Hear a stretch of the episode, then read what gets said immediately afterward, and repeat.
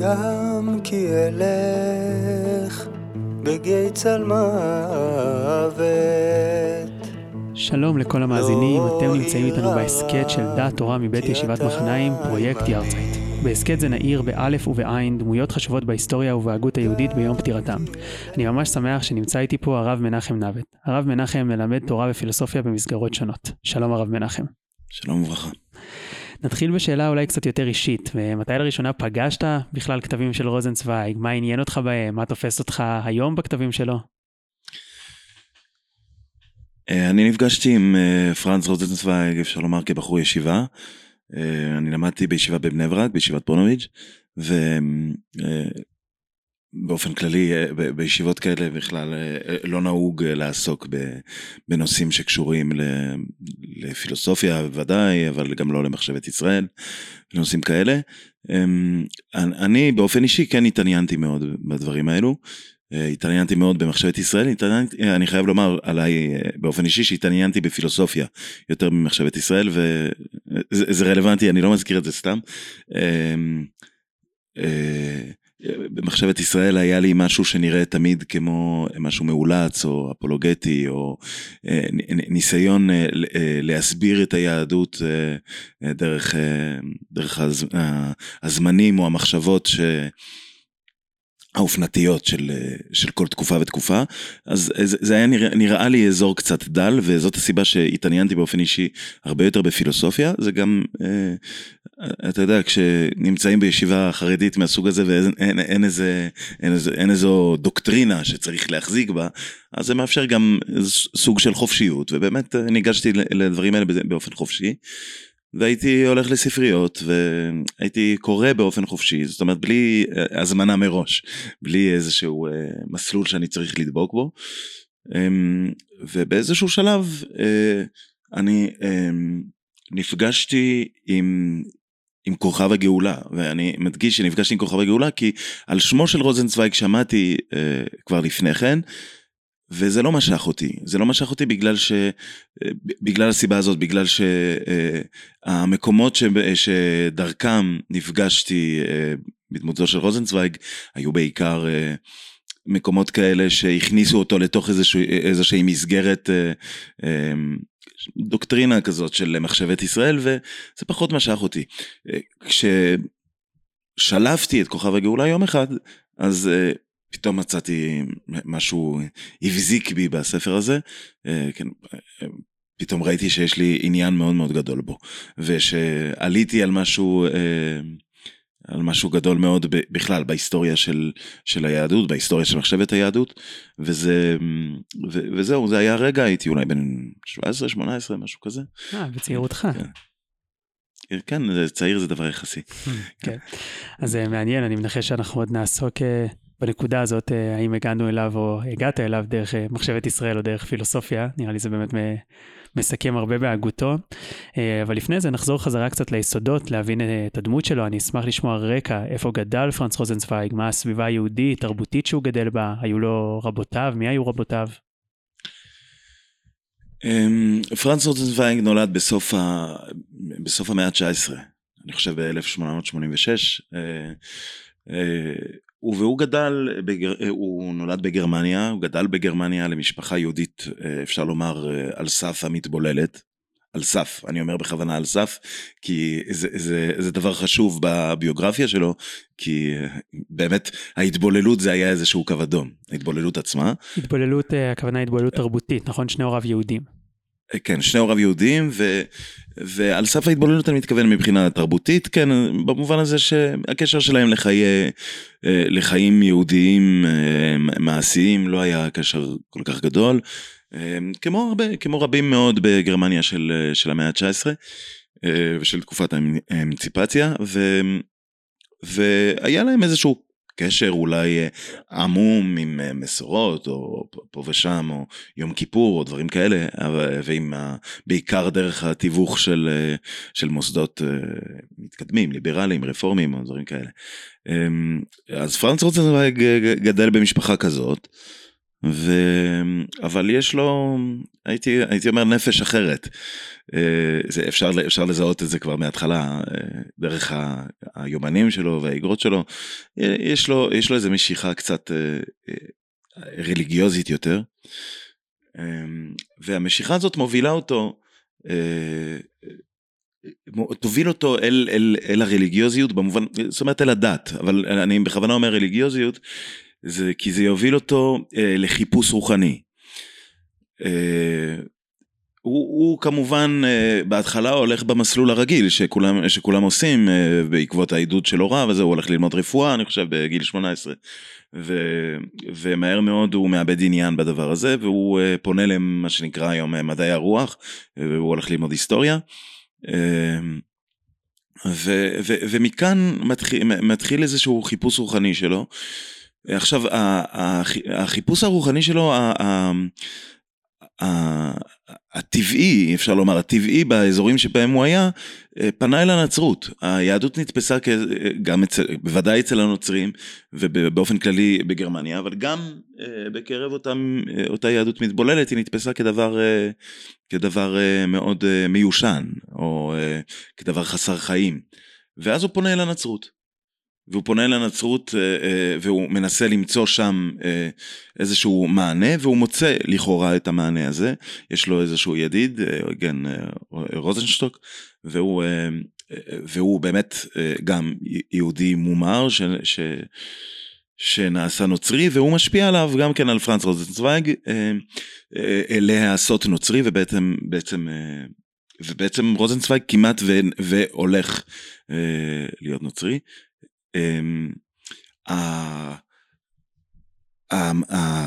אני חייב להדגיש גם משהו אחד, אם דיברנו על הרקע הזה, שלהתנצר היה, זה היה דבר מקובל בתקופה הזאת. זה היה דבר מקובל, אבל בעיקר כדי להתקבל בחברה. זאת אומרת מישהו שרצה להתקדם, להתקדם, ב, אה, להתקדם באוניברסיטה, להתקדם... נצרות אה, תועלתנית. בדיוק, מבחינה חברתית, אז הייתה נצרות תועלתנית כזאת, ובאמת אנשים הוטבלו לנצרות, אבל אך ורק בשביל אה, לקבל תואר. כן, אה, לקבל איזשה, איזשהו מעמד חברתי אה, בגרמניה של התקופה הזאת. אז זה לא היה דבר מוזר להתנצר. מה שכן היה מוזר אצל רוזנצוויג, ולכן הדגשתי את הפן הרוחני הזה, שרוזנצוויג לא פנה לנצרות מהתועלתנות הזאת. זאת אומרת, הוא לא פנה אל הנצרות כדי להתקדם, אלא הוא פנה אל הנצרות בגלל שהוא באמת חיפש משהו אחר. אה, משהו רוחני יותר, משהו שלא סיפק אותו בתוך האקדמיה הקיימת. מעניין שלמרות ההתבוללות לפחות אה, התרבותית של הוריו, אה, הם לא קיבלו את זה בעין יפה בכלל, ורוזנצוויג לא, לא הבין למה, הוא כותב להם, אנחנו נוצרים לכל דבר, אנו חיים במדינה נוצרית, מבקרים בבתי ספר נוצרים, קוראים ספרים נוצרים, ומשום כך אדם שאין בו מעצור מיוחד אינו צריך אלא הכרעה קלה כדי לקבל עליו את הנצרות, זה באמת איזשהו תהליך מובן מאליו.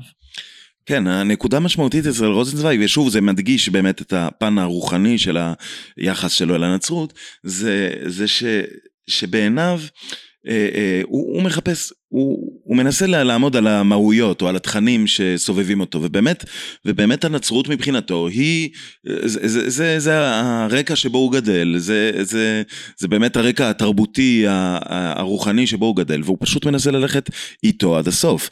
והיהדות של הוריו נתפסת כיהדות נוצרית, זאת אומרת בסופו של דבר האידיאל שלה הוא נוצרי, גם אם יש לו שרידים, שרידים בתוך, ה, בתוך אם אפשר לומר איזשהו, איזושהי אתניות יהודית או משהו כזה, אבל, אבל אין שם שום דבר מעניין ביהדות, ולכן הוא עושה את התהליך עד הסוף, והוא אומר אני, אני נהיה נוצרי כי אני הפוך, אני רוצה ללכת עד הסוף, ואתם ההורים שכנעתם אותי שהיהדות היא, היא סוג של דבר מת, אז אני הולך עם זה עד הסוף, ואני מחפש את הדבר החי, והדבר החי זה הנצרות. אבל, אבל ההורים שלו לא מקבלים את זה, ההורים שלו לא מקבלים את זה, אנחנו מכירים את התנועה הזאת, כן, אנחנו אה, אה, כאילו... חיים אותה עד היום.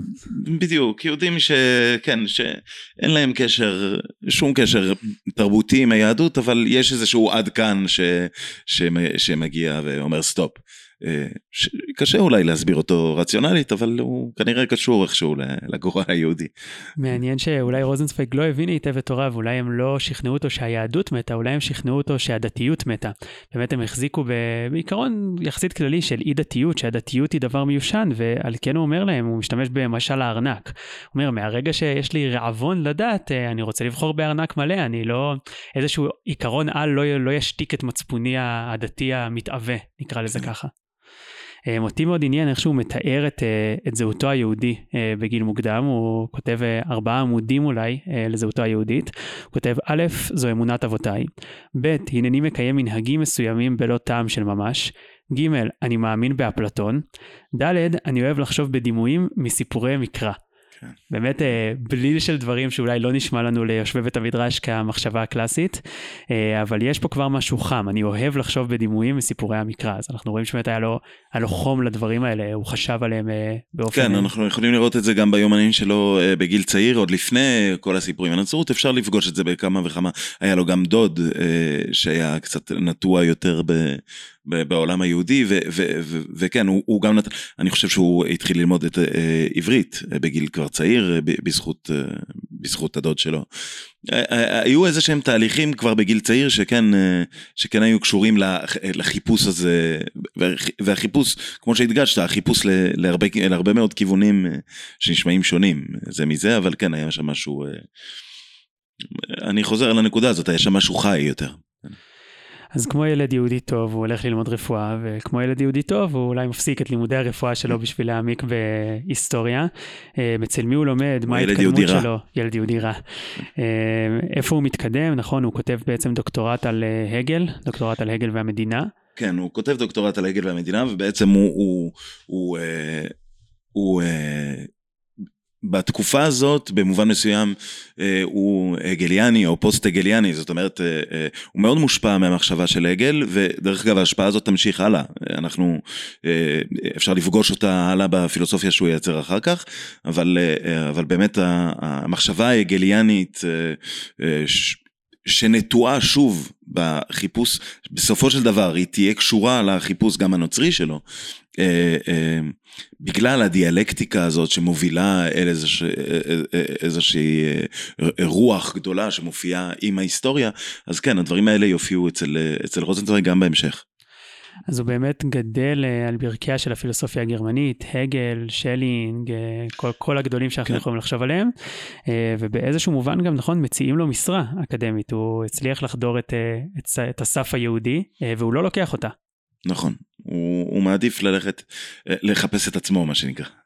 לחפש את עצמו מעולה, זה ביטוי מעולה בהקשר לרוזנצוויג, אז אולי קצת נשאל על החיפוש של עצמו. הזכרנו שהוא לא היה אולי אה, מחובר לגמרי ליהדותו, גם אם היה איזשהו זיק קטן, היה שם איזה בליל דברים מוזרים, אה, אבל באיזשהו מובן הוא, יש לו מסע חזרה ליהדות, אולי אפילו אפשר לקרוא לזה חזרה בתשובה. אה, איך היית מתאר את המסע הזה? כן, חזרה בתשובה זה אין, אין, אין ביטוי הולם יותר ממה שעובר עליו. אה, כאילו אם יש אם יש אה, מובן לביטוי הזה במובן המובן של אישיות של אנחנו רגילים לחשוב באופן נוצרי על קונברסיה אבל אבל לא אבל אישיות שפשוט חוזרת חוזרת בתשובה לא חוזרת על חטאיה אלא חוזרת למקורות היהודיים שלה אז כן פרנס רוזנצוויג זה אולי אחת הדמויות הגדולות אני חושב בהיסטוריה של היהדות בכלל אה, ש, שעושה תהליך מהסוג הזה. אה, וזה קורה די בהבזק של, אה, של, של לא יודע אם של רגע, אבל, אבל זה, זה די מהיר. זה די מהיר. הוא, הוא מחליט, אה, בהשפעת רוזנשטוק, הוא מחליט אה, אה, להיעשות לנוצרי, הוא מחליט, הוא גם קובע אה, לבוא ולהטביל את עצמו לנצרות. אה, ו, אבל הדבר הזה ברגע האחרון לא קורה. למה בדיוק הוא לא קורה? אה, לא, אי אפשר כל כך לומר, אבל, אבל, אבל הוא לא קורה, הוא לא קורה, ופתאום חלה תפנית אצל רוזנצוויג, הוא מדבר על התפנית הזאת, ו, ו, ו, והוא, והוא משתנה, פשוט זה קורה ב-1913, 1914, והוא והוא פשוט משתנה. יש איזשהו סיפור על איזשהו יום כיפור, ש, ש, שרוזנצוויג, שרוזנצוויג אה, אה, הלך לאיזשהו בית כנסת, בעצם כמו שהזכרת קודם, המשפחה שלו ממש התנגדה לסיפור ההתנצרות של רוזנצוויג, עד כדי כך שאימא שלו לא, לא התירה לו אה, להתפלל איתם בבית הכנסת בראש השנה. צריך, כי... צריך אולי להתעכב פה על הנקודה של בעצם אם הוא רצה להתנצר, למה הוא רצה ללכת להתפלל בבית הכנסת בראש השנה? אה, בדיוק, אז הוא, אז הוא רצה ללכת אה, לעשות אה, פטירה מכובדת ליהדות או משהו כזה. אה, זאת אומרת להיפרד, להיפרד בצורה מושכלת יותר מהעולם היהודי. אה, אה, אני לא יודע איך, איך להגדיר בדיוק את מה שהוא... אה, את מה שהוא עבר בתקופה הזאת, אבל הוא, הוא כן מתאר משהו של ניסיון של הוא, הוא וחברים, לא רק הוא, אנחנו יודעים על, דבר, על הדברים האלה מאחרים שכותבים עליו, אבל, אבל uh, הוא, הוא מנסה איכשהו להתנתק מהיהדות באופן הרבה יותר מודע ומושכל ומתוך היכרות אולי יותר גדולה עם היהדות, ולעשות לה פטירה מכובדת, אני בכוונה משתמש ב... זה מושג חזק, אני חייב כן. לומר שיותר ראיתי את זה כ... כמה הפוזיציה שממנה הוא מגיע לנצרות, זאת אומרת, היה ברור לו שהוא מתגייר, כ... הוא מתנצר כיהודי. כיהודי, כן, נכון, הוא בעצם... גם אומר את זה. אה, אה, כן, הוא רצה להתנצר כיהודי, וכדי להתנצר כיהודי הוא חייב להיות, לבוא אל הנצרות מתוך, מתוך היהודיות שלו. וזה באמת מוביל אותו לבית הכנסת. אה, אימא שלו מסרבת שיתפלל איתם בבית הכנסת הליברלי בראש השנה, בגלל שהוא... הוא כופר, אין לו מקום בבית הכנסת. אה, כן, האבסורד הזה, ואז מה שקורה זה שבעצם הוא נוסע לברלין ליום כיפור, ככה לפי הסיפור. ו, ו, ו, ושם אה, הוא... הוא הולך לבית כנסת אה, לא ליברלי, לא רפורמי, אלא לבית כנסת, אפשר לקרוא לו מזרח אירופי, או סוג של שטטל קטן כזה, שטיבל קטן כזה, סליחה. ו... ושם פתאום, לפי האגדה, אה, מתגלה לו, אה, מתגל, אה, מתגלית בפניו איזושהי הערה. הערה שמחזירה אותו ל, ל, ליהדות. האם הסיפור הזה נכון או לא נכון, או משקף משהו, אני לא יודע. אנחנו לא יודעים, אבל, אבל זה סיפור. זה סיפור ש... זה סיפור... שמחזיק, שמחזיק יפה על הביוגרפיה של האיש הזה, אבל מה שאנחנו כן יודעים, ש... ש... ש...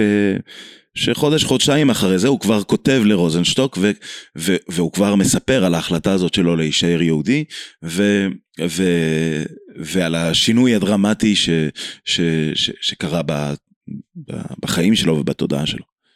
זה מעניין, זה לא הפעם הראשונה, לא הפעם האחרונה בעצם, שאנחנו יודעים, אולי כן הראשונה, שהוא ייפגש עם יהדות, אה, אני עושה פה במרכאות, אה, אותנטית.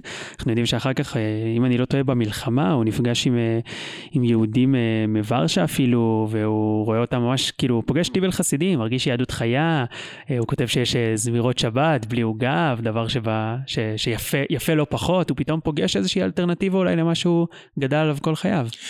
כן, כן, המעקב אחרי האגרות שלו מאוד חוש, חושף את זה, ש, שבניגוד למה שהיה מקובל בגרמניה, אה, ב, ביהדות גרמניה, שדי בזה למזרח אירופה וליהדות מזרח אירופה, אה, אה, הוא, הוא בז לבוז הזה. ו, וכשהוא נפגש עם יהדות מזרח אירופה, זה נראה שהוא גילה פתאום את החיים של, של הדת היהודית, זאת אומרת, אותם חיים אה, שהוא, שהוא חשב למוות לפני כן, כשהוא חשב את עצמו אה, אה, ועל העם היהודי כנוצרי. ופתאום הוא גילה משהו שהוא אה, תוסס, שהוא חיוני, הוא, הוא, הוא ממש מדבר על, על מפגשים שיש לו עם ילדים בני עשר, אה, והוא, והוא מגלה איזושהי חיוניות מאוד גדולה, וערמומיות אולי אפילו אה, גדולה מאוד. וכמובן גם במהלך החיים הדתיים שלהם, זאת אומרת פתאום הבית כנסת, אולי הלא לא רשמי, לא מעורר התפעלות, לא טקסי, אבל בית כנסת פשוט שיהודים באים ומגיעים ומתפללים אליו ומתפללים אה, בו באופן יומיומי. אה, אה, נראה לו קסום, סעודה שלישית, כן, הוא מזכיר שם באגרות. כן, סעודה שלישית וזמירות ו, ותפילה ספונטנית כזאת שהיא די משהו, הוא, הוא פוגש שם חיים, הוא פוגש שם חיים ו, ו, ומשהו הרבה יותר תוסס ובעצם כאן הוא מבין לאט לאט הוא מבין ש, ש, שהסיפור על המוות של, ה, של היהדות, הסיפור גם הנוצרי של המוות היה, של היהדות, אבל גם הגרמני ליברלי על מות היהדות, אה, אה, בעיניו כבר לא נכון. זאת אומרת, היהדות כן חיה. היהדות חיה, רק צריך לדעת למ, למ, איפה למצוא את החיים האלה. וזה, וזה זה, זה מה שמביא אותו לתפנית הזאת. אז אם אנחנו כבר נוגעים בתפנית, אז באמת אמרנו, היה פה איזה חזרה בתשובה, מודל חזרה בתשובה שבאמת היה יותר מחום מביתיות, ואחר כך זה כמובן מגיע כאלה רוזנצוויג לממדים פילוסופיים, והוא כותב את חיבורו המונומנטלי כוכב הגאולה, שסיפרת לנו שנפגשת איתו בצעירותך. ברור לי שלא נוכל לסכם פה את הכוכב, הכוכב הוא ספר מאוד מאוד מורכב, כתוב בז'רגון פילוסופי, אבל אני אשמח אולי אם בקווי יסוד, או תנסה לספר מה, מה רוזנצוויג מנסה לעשות בכוכב, מה המטרה. טוב, זה, זה באמת אה, פרויקט גדול, לדבר בכלל, אפילו לדבר על הכוכב באופן, אה, באופן רחב. אה, אני אזכיר, לפני שאני אדבר על הכוכב, אני רוצה לומר ש, שזה מאוד חשוב אצל רוזנצוויג להבין שהביוגרפיה שלו וההגות שלו זה דבר אחד. אה, אפשר, אה, כשקוראים את כוכב הגאולה, אמנם אין שם שום אזכור אה, אוטוביוגרפי של משהו מחיי רוזנצוויג כזה או אחר, אבל כן אפשר לעקוב, לשמוע את הפעימות, פעימות הלב של, וגם את הצעדים שלו, אפשר לשמוע, אפשר לשמוע את זה שם, אפשר, וכש... קוראים את זה באופן מסונכרן עם החיים של רוזנצוויג, אפשר, אפשר לראות את זה באופן מאוד מאוד בולט. אז אני חושב ש... כוכב הגאולה לא עומד אה, לעצמו כאיזשהו חיבור אה, מופשט. אה, זאת הערה חשובה, הלימוד על אישיותו של רוזנצוויג היא חלק מהלימוד של כוכב הגאולה. אני גם אזכיר שכוכב הגאולה הוא חיבור די מוקדם שלו. זאת אומרת, מיד כשהוא גילה את היהדות, הוא, הוא התגייס. הוא התגייס במלחמת העולם הראשונה, והוא התגייס, הוא היה קצין במילואים, ו... ו, ו והוא, אה, תוך כדי מלחמה הוא, הוא כתב את כל הספר הזה של אה, כוכב הגאולה לגבי גלויות שהוא שלח, ולפעמים גם אפשר לראות את הקצב, את קצב המלחמה הזה בתוך, ה, בתוך הספר הזה. ועוד דבר אני אומר, שזה ספר מאוד מאוד מאוד מורכב. זה ספר מאוד מורכב, הוא קשה להבנה. אה, אני מדבר אפילו מבחינה פילוסופית, הוא מאוד קשה להבנה מבחינה פילוסופית, יש בו קטעים מורכבים מאוד, אה, שממש מתחרים עם אה, ספרי פילוסופיה המורכבים ביותר שיש. גם הזכרנו קודם את הרקע, בסוף הוא באמת גדל על אדני הפילוסופיה, צריך להכיר טוב את הגל, את שלינג, כדי להבין כן, למה הוא מרפא. כן, כן, בוודאי, אז אני כשקראתי את, את פרנס, פרנס רוזנטנברג, היה לי... היה לי אה, הבזקים כאלה, של כאילו לקרוא את הלוגיקה של הגל או דברים כאלה. אה, אני, אני, אני זוכר, אני הזכרתי שהייתי בחור ישיבה ואז גיליתי את כוכב הגאולה, אה, אה, אבל, אבל מהר מאוד לא הייתי לבד והצטרפנו ואני ועוד כמה חברים והקמנו קבוצה של לימוד משותף. ו... מחוץ לגבולות הישיבה, נכון? מחוץ לגבולות הישיבה, כן, לא, לא בניגוד לגבולות הישיבה, אבל מחוץ לה, ו... ו... כמה בחורים שהתעניינו באגודו של, אה, אה, אה, באגוד בכלל, במחשבת ישראל בכלל, והחלטנו ללמוד יחד, ו, והחלטנו ללמוד כוכב הגאולה יחד, ולמדנו תקופה מסוימת עם, עם דוקטור אלי שיינפלד, אם אתה מכיר אותו, כן, ולמדנו במשך שנה, שנתיים את כוכב הגאולה, וזה באמת הייתה חוויה אינטלקטואלית מאוד מאומצת, ואני מדבר עכשיו על החוויה האינטלקטואלית. זה, היה, זה חוויה אינטלקטואלית אה, מורכבת. היא לא, אה, אה, זה לא סתם ספר של מחשבת ישראל שאומר אה, הגיגים. כן, זה, זה ממש יש לו מבנה פילוסופי והוא מתמודד בכלל עם הפילוסופיה, אם אפשר לומר בה"א הידיעה. אה, וכאן אנחנו נכנסים בעצם לכוכב, אז אני, אה, בוא, בוא ננסה לומר דברים כלליים על, על, על הספר הזה ועל הגותו בכלל. אמ, אה, כוכב הגאולה הוא, הוא, הוא כוכב, כן, הוא כוכב, הוא כוכב במובן הזה שהוא גם אפילו במובן הציורי, זאת אומרת הוא מצייר איזשהו מגן דוד שבנוי משני משולשים, בגלל שהוא חושב את כל ההוויה כאיזה, כמשולש. באיזה מובן? אה, אה, הדבר הראשון שרוזנצוויג עושה בספר הזה, זה, זה לתקוף, להתקיף את, אה, את מה שהוא קורא ההיסטוריה של הפילוסופיה, מיוניה ועד ינה, כן? ינה זה המקום שבו הגל היה. אז, אז הוא תוקף את כל ההיסטוריה הזאת של, ה, של הפילוסופיה כהיסטוריה שתמיד ביקשה את הטוטליות, את הקוליות.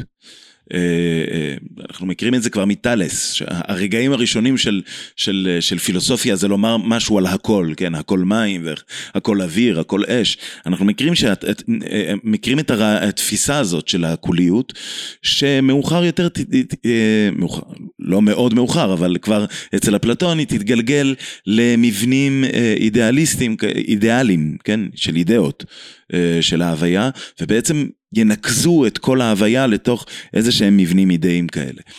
ו, ובעיניו, בעיני רוזנצוויג, זה משרטט את ההיסטוריה של הפילוסופיה כולה. זאת אומרת, הדיכוי של הריבוי תחת המשטר האידיאליסטי של היחיד, של, ה, של, ה, של האחד בעצם, ו, ועד הגל. בעצם כל מי שמכיר קצת את הפילוסופיה של הגל יודע שזה, שאולי פסגת הדבר הזה זה אצל הגל. כן, הדיאלקטיקה של הגל וה, והחשיבה שלו על, על, על אה, אה, מושג, אה, איזושהי התגשמות אידאית כללית שקורית דרך אגב בזמן, באופן היסטורי. זה, זה באמת בעיניו מסכם את תולדות הפילוסופיה המערבית הזאת, ש, שמסוכמת בניסיון אה, להקריב את העולם בשביל האידאה הגדולה של הקוליות. וזה הדבר הראשון שהוא, שהוא, ינסה, שהוא ינסה להתנגד לו. ובהתנגדות הזאת הוא בעצם יפתח את המודל הזה של המשולש. ורוזנצוויג יטען שאנחנו לא יכולים לחשוב על העולם שלא דרך אה, קצוות אה, אחרים זה מזה. זאת אומרת, קצוות ש, שהם מגיעים מנקודות מוצא שונות ושהן לא יכולות להת, להתקלל, אם אפשר לומר את זה כך, להתקלל בד, ב, באיזושהי אידאה אחת. ושלושת הקצוות האלה הם האלוהים, העולם והאדם. אלוהים זה, זה, זה בורא העולם ותהיה לזה משמעות מאוד גדולה אצלו. אלוהים בורא את העולם ו- ו- והוא גם בורא את האדם, אבל אלה שלוש, אה, אה, שלוש נקודות מבט או שלוש פרספקטיבות שונות שלא יכולות, אה, ש- שאי אפשר לנסות לאחד אותן באיזוש, באיזושהי אידאה אחת. וזה מה שמייצר את המשולש הזה. והמשולש הזה מייצר משולש מקביל, שהוא בעצם המשולש שאומר איך אנחנו חושבים את הזוויות האלה. ואז העולם של אלוהים זה בעצם העולם של ה... של ה... העולם... אלוהים מתקשר עם, ה, עם העולם דרך מושגים של בריאה, כן? ואלוהים מתקשר עם האדם אה, דרך מושגים של התגלות, והאדם מתקשר עם העולם דרך אה, מושג של גאולה. ולכן הנושא הזה, החלוקה הזאת לשלוש, בריאה, התגלות ו- ו- וגאולה, אלה המושגים המשמעותיים שהוא יעשה בהם שימוש כדי להסביר את, את המשולש הזה מקצוותיו. מעניין שגם הדימוי הזה קשור לזה שרוזנצוויג היה בתרבות נוצרית, הרי זה די חופף למחשבות שילוש. על הצלב, למחשבות, אפילו לא השילוש, מחשבות לפירושים על ארבע, כן, ארבע כן, הכיוונים של ארבע הצלב. כיוונים, נכון, נכון. אה, אה, נכון, אני, אני חושב שבכוכב הגאולה אפשר, אה, אסור לנו לשכוח שזה קרה מהר מאוד אחרי, אחרי שהוא רצה להתנצר. כן, זה חיבור טרי, ואני חושב שכן, אפשר למצוא שם הרבה אלמנטים, ש, שאופני חשיבה נוצריים, כן, אבל, אבל, אבל גם אם אופני החשיבה הם כאלה, וגם אם אופני החשיבה הרבה פעמים, אני אומר גם הגליאנים הרבה פעמים, דיאלקטים, בסופו של דבר, בסופו של דבר כל הספר הזה הוא מתקפה נגד הגל, או נגד, ה, נגד הפנומנולוגיה הגדולה הזאת של, שהגל מציע, ובמובן הזה אפשר לראות אותו גם אה, אה, כחלק מזרמים אה, שקשורים למשברי מודרניות כאלה ואחרים, אפשר לראות אותו גם במובן כזה או אחר, כן, זה, זה קצת מורכב, אבל אפשר לראות אותו גם כאקזיסטנציאליסט. הוא, הוא, הוא דברים מסוימים שהוא כותב ממש נשמעים, אה, נראים כמו דברים שקירקגרד כותב, אה, קירקגור, ו, ודברים אחרים נראים כמו... כמו דברים שיכתוב אה, היידגר, זה ממש, הוא, הוא ממש נמצא בזירה הזאת של משבר המודרניות, משבר האידיאליזם המודרני ו, וניסיון לייצר איזשהו, איז, איזושהי חשיבה שמתחילה מ... אולי נשתמש בסיסמה הזאת של קיום שהוא קודם ל, ל, למהויות האלה של האידיאליזם. מעניין שבאמת זה הגות קיומית, אבל הוא לא איבד את הסיסטמטיות הגרמנית שלו, זאת אומרת, רואים שהוא מוכשר בפילוסופיה גרמנית, והוא גם חושב ככה, זאת אומרת, הראש שלו, גם אם הוא מורד בזה, הראש שלו חושב ככה. אמ, רציתי לשאול, הוא בעצם המבנה, המבנה של הספר הוא מורכב גם מבחינה ארכיטקטורית, נכון? יש לנו, הכל זה בעצם יום שלם, יש לנו שערים, מעברים, דיברת על הכוכב עצמו, מה, מה הוא מנסה להשיג פה? זה חיבור שהוא מכריכה לכריכה הוא מביא אותי לאיזשהו פיק, או דווקא הוא מבולגן בתוך עצמו? אני חייב לומר שאני באופן אישי, אני באופן אישי לא כל כך אוהב את המבנים האלה, וזה גם בפעם הראשונה שנפגשתי עם הספר הזה, זה קצת מה שהרחיק אותי. אה, זה נכון, יש שם מבנים קצת סימטריים ו... יותר מדי מורכבים, יותר מדי מורכבים, זה תלוי בזה וזה תלוי בזה, וזה ממש, אה, כל הספר עצמו בנוי אפילו, אפילו מבחינה גרפית, הוא בנוי, אה, הוא בנוי כאיזה סוג של מבנה כזה, אבל כן, יש לו כוונה במבנה הזה, והכוונה, והמבנה הזה מוביל, מוב, יש לו התחלה ויש לו סוף. אה, הוא, פחות או יותר עוקב אחרי הדברים שכבר הזכרתי, זאת אומרת, אה, זאת אומרת, אחרי אה, אלוהים, העולם והאדם, ואחרי, והקצב הזה שבין בריאה, התגלות ו, ו, וגאולה, שזה גם קצב של עבר, הווה ועתיד. וזה, וזה אולי כל הספר שלו עוקב סביב הרעיונות האלה, הבריאה זה העבר, אז, אז אצל רוזנצוויג הבריאה משקפת את כל מה ש... את כל החוקיות הטבעית, וזה בעצם הצורה שבה, שבה אה, אה, אה, הקשר של אלוהים עם העולם הוא, הוא, הוא, הוא הקשר שהוטבע בתוך החוקיות הזאת ובתוך הטבע של, של העולם, הטבע הסדור של העולם, אבל אה, הביקורת של, של רוזנצוויג תבוא לידי ביטוי בדיוק במקום הזה שבו אה, אה, אה, למשל אצל הפילוסופים יש חוסר מוכנות להכיר באפשרות של התגלות. וכאן, וכאן אה, רוזנצוויג אה, מוביל אותנו לדבר על התגלות והתגלות בעיני רוזנצוויג היא באמת ההתגלות של הרגע. זאת אומרת קורה משהו בהווה ברגע ההווה והוא אה, אה, אה, זה איזשהו הבזק אפשר לקרוא לו הבזק כזה של, של רגע הווה, וכאן רוזנצוויג מפתח מוס, אה, אה, מחשבות מאוד רחבות שבעיקר קשורות למחשבות של אהבה. אגב, גם פה אפשר לראות קצת אה, השפעה נוצרית, אבל אה, אה, גם, גם בניתוח מושג, מושג ההתגלות עצמו, אבל, אבל כמובן הוא עצמו שם לב להשפעה הזאת והוא, והוא מבדל את עצמו ממנה אה, במובנים, אה, במובנים מסוימים, אבל אבל עדיין, ההתגלות הזאת היא איזשהו סוג של הבזק שתופס את האדם, וזה איזשהו דיאלוג דו-שיח. כן, אם נשתמש במונחים גם, גם שלו וגם של בובר שהיה חברו, זה, זה, לא, זה לא אני לה, אלא זה אני ואתה. אה, יש דו-שיח, יש דיאלוג בין אלוהים לאדם, אה, שזה נעשה באמצעות ההתגלות הזאת, וההתגלות הזאת היא כאילו רגע שמוציא אותך מתוך הבריאה, מתוך, מתוך העולם של, ה, של החוקיות ושל הסדר, ולכן כאן אה, רוזנצוויג יש לו אה, כמה וכמה אה, עמודים, אה, וחייבים לדבר על הנס למשל. הוא לא פונה לנקודה בעבר, זה לא הר סיני מבחינתו, העבר מבחינתו זה בריאה, נכון? פה זה ממש קורה, כן, כן, קורה בכל רגע זה, נתון. נכון, העבר זה בריאה, אה, מעמד הר סיני זה כבר משהו אה, אה קצת, אה, כבר יותר מורכב, אבל זה כן, העולם של ההתגלות, מעמד הר סיני מייצג את העולם של ההתגלות, זה בעצם סדק בבריאה, איזשהו משהו שפורץ את גבולות הבריאה, אה, אה, אה, ולכן מושג הנס מאוד מאוד חשוב אצל רוזנצוויג, דרך אגב הוא ייתן פירוש מאוד מחודש למושג הנס, אני לא יודע עד כמה הוא קביל, לא, לא יודע, אותי הוא לא כל כך הצליח לשכנע, אבל כן, הוא, הוא מנסה, הוא, הוא מנסה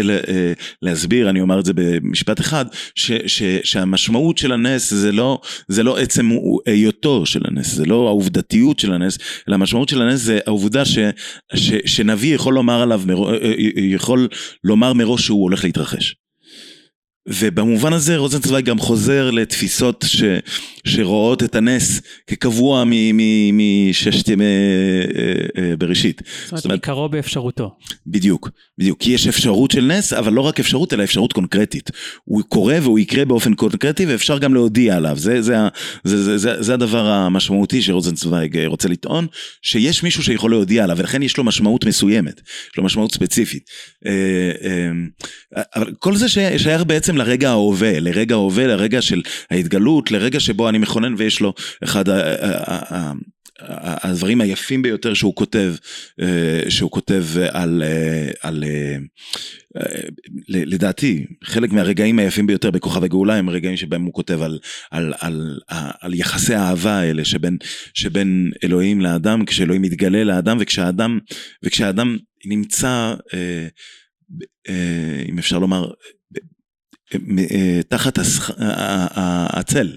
של, של אלוהים, אה, אה, בביטחון, הניתוח שלו של מושגים של ביטחון, של השגחה, כל הדברים האלה הם, הם מתרחשים כאן וזה איזשהו משהו שזה מאוד חשוב לו, זאת אומרת אם הגל או הפילוסופיה באופן כללי מחמיצים משהו בעיני רוזנצוויג זה את הרגעים האלה, הרגעים האלה שיוצאים החוצה מתוך המהלך של הבריאה אה, אה, אה, רוזנצוויג אומר וי לפילוסופים וגם וי לתיאולוגים, גם ברגע הזה, כי כמו שיש לו ביקורת על הפילוסופיה הקלאסית, יש לו גם ביקורת על התיאולוגים ויש לו ביקורת על המיסטיקה.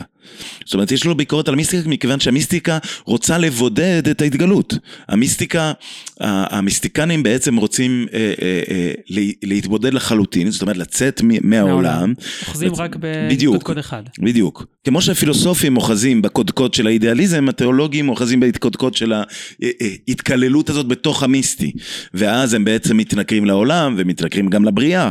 אה, אה, אז, אז גם את זה רוזנצוויג מבקר, וכאן הוא מגיע גם לשלב השלישי, שהוא השלב של הגאולה, ש, ש, של העתיד, של, של תיקון העולם, של, של, של, של של הכניסה לתוך העולם. ויי כן. למי הוא אומר פה?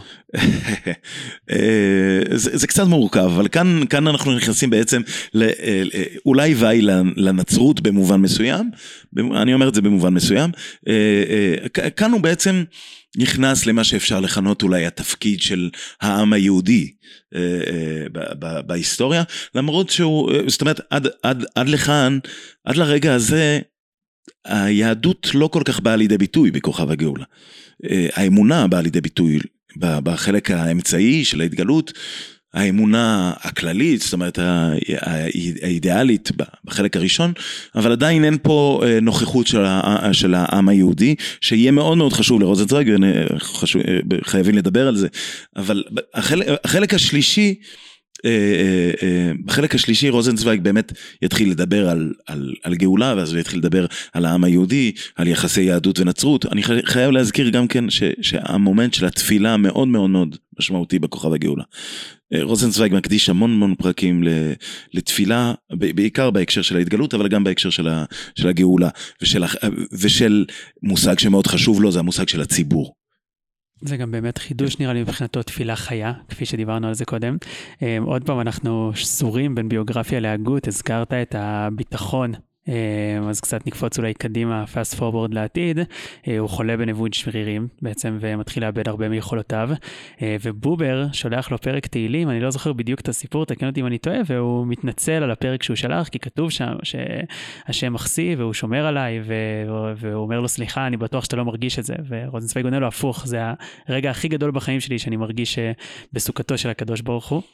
נכון, נכון, אני, אני, אלה, אני חייב לומר שאלה גם דברים שמאוד מאוד ריגשו אותי אה, כשקראתי את ה... אה, כשאני קורא את רוזנצוויג בכלל, ועד היום, וכשאני קורא אה, את, ה, את הכתבים שלו ואת האיגרות שלו ואת המכתבים שלו, זה אדם מאמין במובן הכי עמוק שיש. זאת אומרת, האדם ש, שהאמונה שלו היא... היא זה גם מושגים שהוא יפתח, וכאן הביוגרפיה שלו באה לידי ביטוי בצורה מאוד דרמטית. אה, אה, הוא מפתח תלות בקדוש ברוך הוא. והתלות הזאת היא, היא מכוננת אותו והיא נותנת לו גם שמחה. הוא אדם שסבל ייסורים מאוד גדולים, הוא לא יכול היה לדבר, הוא לא יכול היה בשלב מסוים בגלל אה, ניוון השרירים. אפילו לא לכתוב, נכון? לא ו... לכתוב ולא לדבר והוא uh, תקשר עם העיניים. והוא המשיך לפרסם ככה. הוא המשיך לפרסם דרך העיניים והייתה גם איזושהי מקלדת באצבע אחת או משהו כזה. Uh, כן, הייתה אשתו שטיפלה בו ובאיזשהו שלב גם נולד להם, אה, נולד להם בן. אמ, אה, הרגעים האלה, הרגעי האמונה הכי גדולים אצל רוזנצוויג, אפשר למצוא אותם דווקא ב, ב, ב, ב, בתקופת המחלה שלו. ותקופת המחלה שלו היא תקופה מאוד מאוד אה, דרמטית ובעיניי מאוד מרגשת. כשאתה קורא את מה שרוזנצוויג כותב בתקופה הזאת, באמת אתה מוצא את אחד היהודים הגדולים ביותר של ההיסטוריה, בעיניי. זאת אומרת, זה, זה באמת, זה יהודי גדול, זה יהודי גדול ו... כשהוא אומר, כשהוא אומר שאין רגעים שבהם הוא, הוא, אה, הוא הרגיש את נוכחותו של הקדוש ברוך הוא כאב, כי המון, עוד, עוד מושג שמאוד חשוב לו, כן? והוא מנגיד אותו גם לנצרות. בעיניו, בעיניו הקדוש ברוך הוא ביהדות הוא, הוא אב, הוא אבא. הוא לא רק, הוא לא רק איזה ש, איזשהו אלוהים מופשט, והדבר הזה מאוד מאוד נוכח בחיים שלו, בביוגרפיה שלו וגם בהגות שלו. ו, ולכן אני, חשוב לי להדגיש את זה, כשההגות שלו גם מאוד מרגשת. היא לא, היא לא רק הגות מופשטת, היא, היא אישית מאוד, היא מרגשת מאוד, ובעיניי היא, היא גם, היא, היא אחת, זה, זה אחד הדברים הכי גדולים שנעשו בהיסטוריה של, של, של ההגות היהודית בכלל. אה, וזה אחד היהודים הגדולים שיש לנו בהיסטוריה, אני וואו. לדעתי. מעניין, אז גם אה, נראה לי בהמשך אנחנו ניגע במושג הזה בגדולתו של רוזנצוויג כפי שהגדרת. אה, בחזרה לכוכב הייתי רוצה לשאול אותך, האם אתה לא מרגיש שהוא נתקע בין הקיומי ל...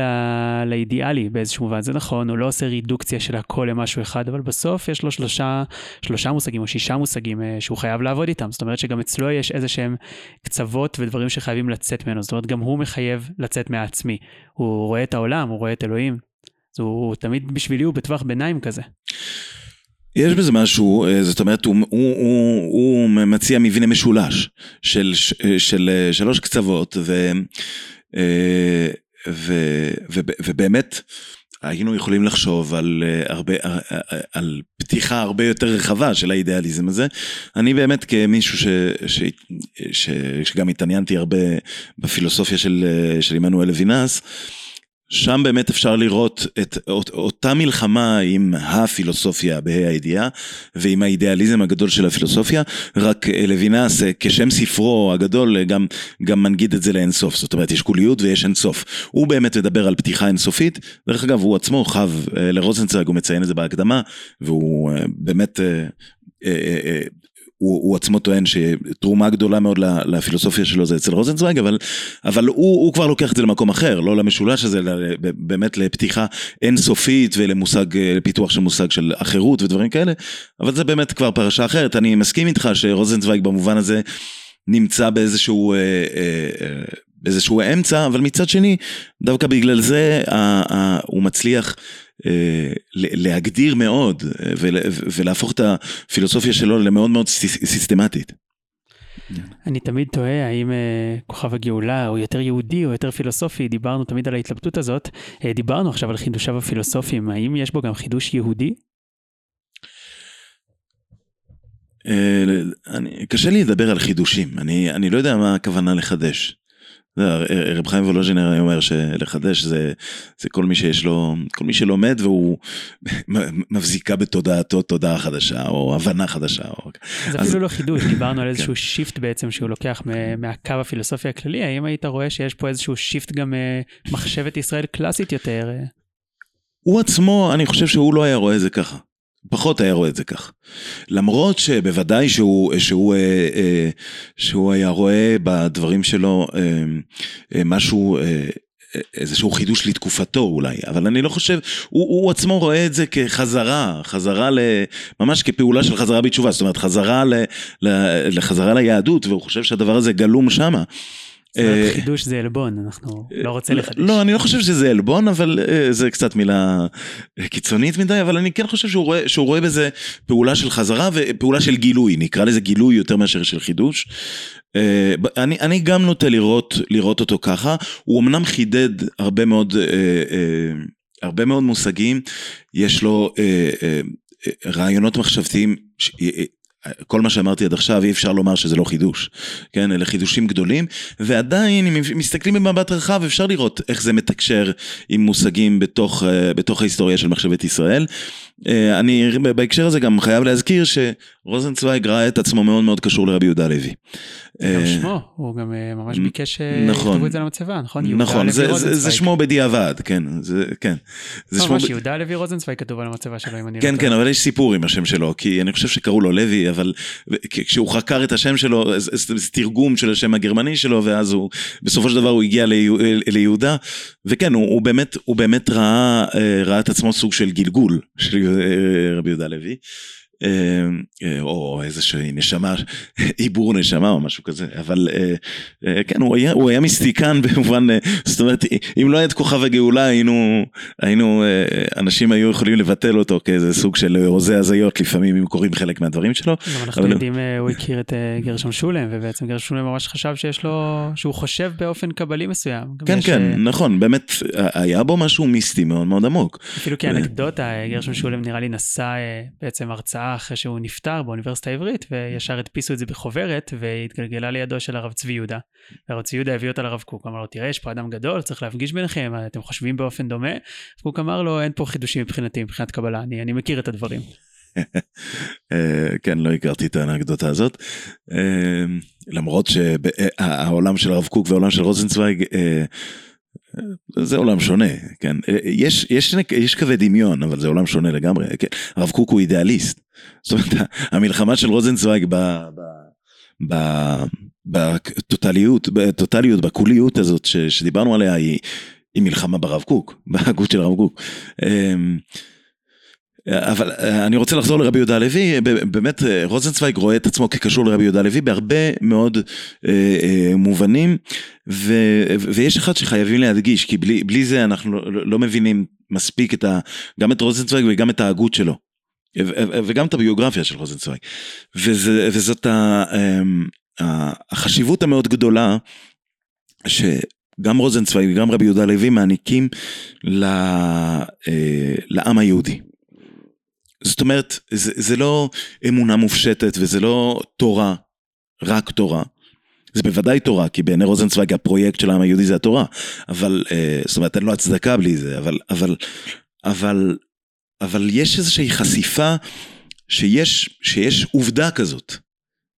ואני משתמש במילה עובדה, במונח עובדה, בגלל שרוזנצוויג עצמו עושה, עושה בזה שימוש, בניגוד לאידאות פילוסופיות, בניגוד לאידאות אפילו דתיות. אז, אז רוזנצוויג מדבר על עובדתיות שמתרחשת בהיסטוריה, והעובדתיות הזאת היא העובדתיות של העם היהודי, והעובדתיות הזאת מתקשרת דרך אגב עם מושגי ההתגלות, זאת אומרת יש עובדת התגלות. שהיא א-היסטורית וגם שוב מושג נוסף שמאוד חשוב אה, כל, כל הזמן אנחנו נזכרים בדברים אה, אחרים דברים אה, חשובים מאוד בפילוסופיה שלו ההיסטוריות הזאת ההיסטוריות של העם היהודי ההיסטוריות של ההתגלות זה בעצם יציאה מההיסטוריה זה יציאה מההיסטוריה, הבריאה זה ההיסטוריה, הבריאה נטועה באיזשהו מהלך ארוך, אבל ההתגלות היא תמיד משהו שמוציא אותך מההיסטוריה, ובעצם העם היהודי בעיני רוזנצוויג זה עם ההתגלות. זאת אומרת זה העם שקיומו הוא בעובדה שהוא, שהוא א-היסטורי במובן הזה, ו... ו ו- ואנחנו מכירים את קווי המחשבה האלה בצורות שונות, באופנים שונים כמובן אצל, אצל רבי יהודה הלוי. למשל, רוזנצוויג פחות אהב את ההגות האריסטוטלית של הרמב"ם, שהיא נתפסת בעיניו כאידיאליסטית מדי, כלא אישית, גם זה מאוד מאוד חשוב. הפן האישי, הקשר האישי שבין, שבין, שבין אלוהים לאדם, היה מאוד חשוב גם לרוזנצוויג, גם לרבי יהודה הלוי, כאשר אצל הרמב"ם הקשר הזה הוא קשר יותר מופשט, קשר יותר... אה, אה, אני, אני אכנס לקלישאות, אבל אני אקרא לו קשר יותר אה, אינטלקטואלי אולי, אבל אה, זאת קלישאה ביחס לרמב"ם, אבל, אבל, אה, אבל אה, בשביל שיבינו, אה, כדי שיבינו מה אני, מה אני מתכוון לומר. אצל רבי יהודה לוי מאוד מאוד חשוב לו השם הפרטי, השם הפרטי של הקדוש ברוך הוא, השם הפרטי של האדם, וגם לרוזנצוויג, רוזנצוויג מפתח את הרעיונות האלה, ובמובן הזה, כן, אנחנו מוצאים את הרקע אולי אצל רבי יהודה לוי לרעיונות של רוזנצוויג. מעניין, הזכרת את המושג עם דרך רבי יהודה הלוי, אבל זה מחד, אבל מאידך, אנחנו יודעים שבעצם דיברנו על תרבותו הנוצרית שממנה הוא הגיע, אבל גם בהגותו, אולי פה אני יכול לומר שיש איזשהו חידוש, הוא בעצם מאפשר או נותן לנצרות מקום די נרחב בהגותו, גם כבר כיהודי. קוראים לזה, לפחות במונחים אקדמיים, שני הנתיבים, שהוא מאפשר את הנצרות גם כדרך לגיטימית להגיע אל האל, הוא כותב לעקיבא ארן סימון על כוכב הגאולה. כתבתי את הספר הלא קנאי היהודי הראשון שידוע לי. כן, אני לא יודע אם הוא הראשון, אני חושב שיש אחרים, אבל כן, בהחלט, בהיקף כזה ובשיטתיות כזאת, אני חושב שהוא הראשון ואולי גם האחרון. כן, כן, אם כבר אמרתי האחרון, אז חייבים להזכיר גם את חברו מרטין בובר, שגם כתב ספר דומה, כן, על שתי דרכי אמונה. אה, אבל כן, באמת רוזנצוויג רואה גם בנצרות וגם ביהדות שני נתיבים לאמונה, זה, זה, זה, מעניין מאוד, זאת אומרת החזרה בתשובה שלו ליהדות היא לא, היא לא אה, זריקת הנצרות לפח הזבל של ההיסטוריה, אה, ממש לא. זאת אומרת, הוא, הוא, הנצרות חשובה לו, הנצרות חשובה מבחינתו כ, כ, כחלק בלתי נפרד מההיסטוריה, והוא ממש מנתח את היחסים בין יהדות לנצרות. אה, אני אומר על זה מילה, אבל לפני, ש, לפני זה אני רוצה להזכיר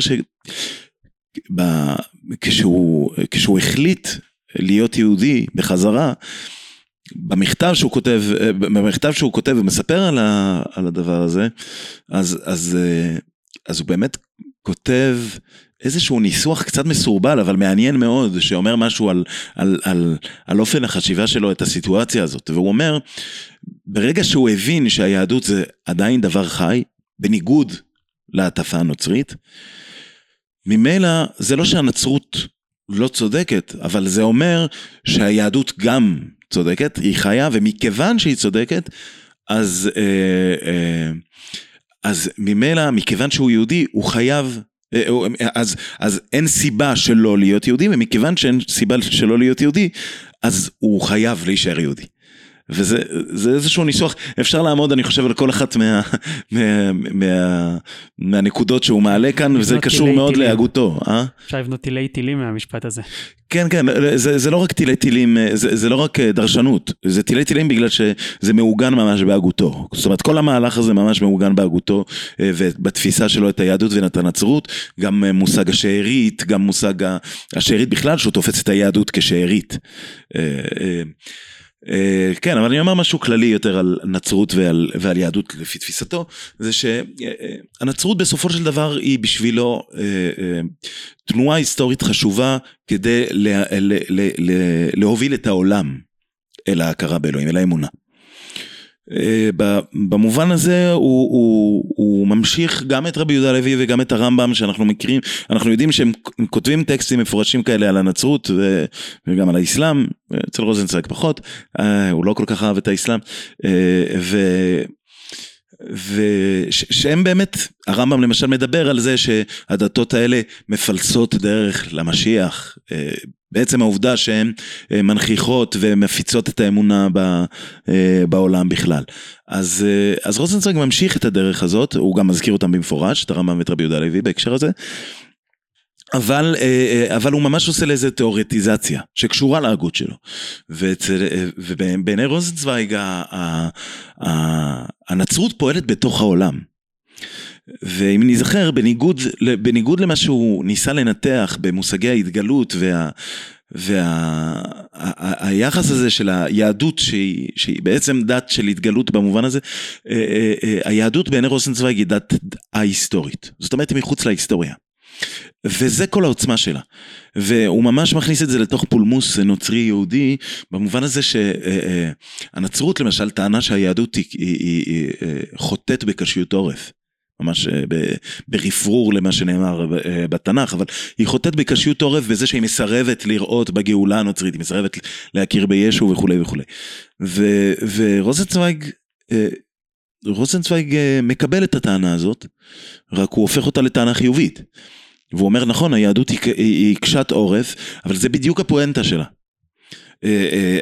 הסירוב שלה להיכנס לתוך ההיסטוריה. במובן הזה, כמו, שהנ, כמו שהנצרות רוצה להיכנס לתוך ההיסטוריה, אלא, אלא היהדות איכשהו בתוך התנועה הפנימית העובדתית, אני חוזר למושג העובדה, העובדה הזה שהזכרתי קודם, זאת אומרת קורה משהו, אז, אז בתוך, בתוך העובדה הזאת, העובדתיות היהודית, יש משהו שהוא ההיסטורי, שהוא קיים באופן, אה, אה, באופן מאוד מאוד ישיר, וכאן מושג הישירות, וזה אולי עוד דבר נוסף שרוזנצוויג מנתח ביחסי יהדות נצרות, שכמו ההתגלות, היחסים בין יהדות לקדוש ברוך הוא הם יחסים ישירים, הם יחסים גם שקשורים לאב ובן, זאת אומרת היהודי הוא בנו של הקדוש ברוך הוא והקדוש ברוך הוא אביו, יש כאן יחסי אהבה קרובים בעוד שהנצרות צריכה איזשהו תיווך, והרעיון הזה של תיווך יבוא לידי ביטוי אצל רוזנצוויג, אה, אה, שוב, הוא השתמש גם במודלים שהכנסייה עצמה יצרה, כמו אה, אותה גברת שהעיניים שלה מכוסות, שלא, שלא מוכנה... שלא מוכנה לראות, לראות את הגאולה וה, והגברת לצידה עם העיניים הגלויות שבעצם בכנסייה כבר מייצגות את, את הנצרות ואת היהדות ואת היהדות עם העיניים המכוסות ורוזנצוויג אומר כן היהדות העיניים שלה מכוסות היא לא רוצה לראות את הדבר הזה. ואחד הדברים החשובים ביותר שרוזנצוויג מעלה וזה דבר שכדאי לפתח אותו גם כאילו זה אחד הרגעים החשובים בפילוסופיה של רוזנצוויג זה, זה, זה, זה שרוזנצוויג רוצה, רואה את היהדות ואת ההתגלות היהודית כאש. זאת אומרת יש זה הגילוי הישיר ו, והנצרות בעיניו הוא קורא לזה הקרניים בכוכב הגאולה הקרניים וזה שוב דימויים נוצרים אה, אה, הקרניים, זה, זה, זה אומר זה באופן, זה מגיע באופן עקיף. אה, הנצרות זקוקה לבן, זקוקה לאב ולבן, זקוקה לישו, היא זקוקה לתיווך. ו, אה, אבל התיווך הזה, אומר רוזנצוויג, התיווך הזה זה בשביל, זה כדי להגיע אל האב, אל, אל, אל, אל, אל, אה, אל הקדוש ברוך הוא, ו, והיהודי לא זקוק לתיווך הזה, למה? בגלל שההתגלות והקשר בין, בין היהודי לאב כבר מתרחש, הוא לא, הוא לא צריך את תהליך הגאולה הזה. זה ש... ביתו, ש... זה פשוט ביתו. בדיוק, הוא, זה, זה, זה כבר קורה וזה כבר קרה וזה מת, מתרחש כל הזמן במובן של ההיסטוריה, זה מחוץ, מחוץ להיסטוריה, מחוץ לעולם. אבל הנצרות שפועלת בעולם היא חייבת תמיד את ה... את ה את, ה, את, ה, את, את הקשר הזה ולכן זה גם מת, מתקשר עם, ה, עם ה, את התיווך הזה סליחה. אבל אה, זה, זה גם מתקשר עם הסיפור הזה של אוניברסליות אה, אה, היחסים של רוזנצוויג מושג של אוניברסליות ולאומיות אני רוצה לקחת אותנו מפה לנושא מאוד רחב אולי, או אפשר לומר שהוא רחב דווקא כי רוזנצוויג לא כתב עליו הרבה, הוא לא השאיר לנו חיבור סיסטמטי על זה. אמ, היחס לרוזנצוויג, של רוזנצוויג להלכה ולמצוות, הוא בעצם דיברנו על חזרה בתשובה, דיברנו על אה, זהות יהודית, אבל אה, מה הייתה התפיסה שלו על עולם ההלכה? אם יש לנו, הוא כתב, הוא כן כתב מאמר בשם הבונים, אה, שנותן לנו איזושהי כזה פתח או הצצה חודו של מחט לפילוסופיית ההלכה שלו, איך היית מתאר את היחס שלו? כן, אה, אני חושב שהמאמר הזה, הבונים, הוא מאמר אה, יסודי והוא לא, לא רק פתח והצצה, יש בו משהו אה, אה, מאוד, אה, כבר מאוד גדול. אה, רק במאמר הזה, זה מאמר שמתפלמס עם אה, תפיסת ההלכה של בובר, ו, וגם אפשר לראות, שוב, כמו כל דבר, אפשר לראות את הניצנים של הדברים האלה בכוכב הגאולה עצמו. אה, אה, אני אומר משהו כללי, כמו שרוזנצוויג אה, מוצא חיים בעצם ב, ב, ביהדות מחדש, אה, אנחנו הרי מכירים את התנועות שכבר מפאולוס, כן? זה לא, זה לא חדש בהיסטוריה. אנחנו מכירים את התנועות מפאולוס ועד אחד העם. או עד בובר הייתי אומר, כי הוא מתפלמס איתו, של, של, אה, ש, שטוענות לעובדה שהמצוות מיותרות. מצוות הן מיותרות כי, כי יש לנו, כי, כי אנחנו צריכים להידבק ברוח. במובן כזה או אחר, כן, כל אחד יעשה מזה צורה אחרת של אה, מחשבה. אה, ורוזנצוויג ממש מתפלמס עם הדבר הזה, זאת אומרת בעיניו המצוות מאוד מאוד חשובות, ושוב, אני חוזר למושג, אה, למושג הקודם שהעליתי, בשביל העובדתיות של, של העם היהודי, זאת אומרת, המצוות הם פשוט ביטויי האהבה העובדתיים בפועל של, ש, ש, שבו, שבו העם היהודי וה, והפרט היהודי אה, בעצם אה, אה, מקיים את יהדותו. רוזנצוויג מרוב שהוא מבקר את האידיאליזם ואת, ה, ואת האידאות המופשטות של, של, של מחשבות מופשטות על היהדות ועל, ו, ו, ו, ועל על, על רעיונות ודברים כאלה, בעיני רוזנצוויג המצוות זה, זה הדבר עצמו, זה לא על הדבר, זה פשוט להיות הדבר עצמו. זאת אומרת, להיות ביחסי האהבה האלה, הוא ממש מדמה את זה ליחסי אהבה גם, זוגי. הוא גם משתמש בדימוי של אה, בית, הוא אומר בעצם לכל יהודי יש רק בית אחד, הבית הזה זה עולם ההלכה, נכון. אבל הוא כן קצת חורג מהמחשבה הזאת בזה שהוא אומר, אבל כל אחד גם הקים את האוהל הפרטי שלו. משהו קצת יותר ארעי, אולי משהו שלא מתחייב לארבע קירות המוצקות האלה מבטון. נכון, אני אזכיר את זה, אני אזכיר את זה אה, בהקשר הזה, אה, גם איזשהו יחס שיש לו לאורתודוקסיה, זאת אומרת, קשה לו לקרוא לרוזנצוויג אורתודוקס, הוא לא, הוא גם מבקר את האורתודוקסיה. כן? למרות שהוא אה, עם, עם החיים שלו התחיל לשמור מצוות, ושוב, אולי, אולי אתה יודע מה, אם כבר העלינו את זה, הפרט הביוגרפי הזה הוא, לא, הוא משמעותי כאן. הוא התחיל לשמור מצוות לאורך חייו, אבל בהדרגה. ובהדרגה ובצורה שבה הוא אה, אה, הרגיש שזה מתאים, שזה, שזה מתאים ל, לרמה שלו אפילו, אם אפשר לומר את זה ככה. כן, אני אזכיר גם שהיה גם הרב של, הרב של פרנקפורט, הרב נובל, שהוא מאוד מאוד העריץ והעריך, והוא, כשהוא, כשהוא היה בפרנקפורט הוא, הוא למד אצלו, הוא נפטר, וזה בעצם זה היה דמות גדולה בשבילו גם במובן הוא הזה. הוא אחד מרבותיו אפילו, נראה לי, הוא מגדיר אותו ככה באיזשהו שלב. כן, כן, זה אולי רבו, רבו, הוא מגדיר, הוא מגדיר אותו כרבו, כן? אם כבר דיברנו על זה, אז חשוב גם להזכיר את הרמן כהן, כרבו גם רבו במובן הזה של לחשוב על פילוסופיה יהודית, למרות שהפילוסופיה של, שלהם קצת שונה, אבל, אבל כן, הוא ממש העריך והעריץ מאוד גם את הרמן כהן וגם את הרב נובל, אבל בהקשר הזה, אה, אה, המצוות בעצם זה היה תמיד להיות בדרך, אה, רוזנצוויג זה דבר שחוזר, על עצמו כל הזמן לאורך הגותו, זה שהוא לא מסתכל על משהו, אף פעם על משהו שלם כדבר נתון, אתה תמיד נמצא בדרך. אתה נמצא בדרך וגם מבחינת היחס שלו למצוות, הוא, הוא בדרך וכל פעם הוא עושה עוד, עוד דבר, עוד, עוד, עוד משהו שהוא, שהוא מצליח לאמץ, שהוא מרגיש שהוא, שהוא כבר הגיע למקום שבו, שבו זה משמעותי. מצליח, עכשיו, מצליח לאמץ זה ביטוי טוב פה, כן. כי הוא ממש כותב אין הכל או לא כלום, יש משהו, בדיוק. הוא ממש נוגע במשהו והוא כותב על עצמו והוא מפואר כי עזרתי עוז.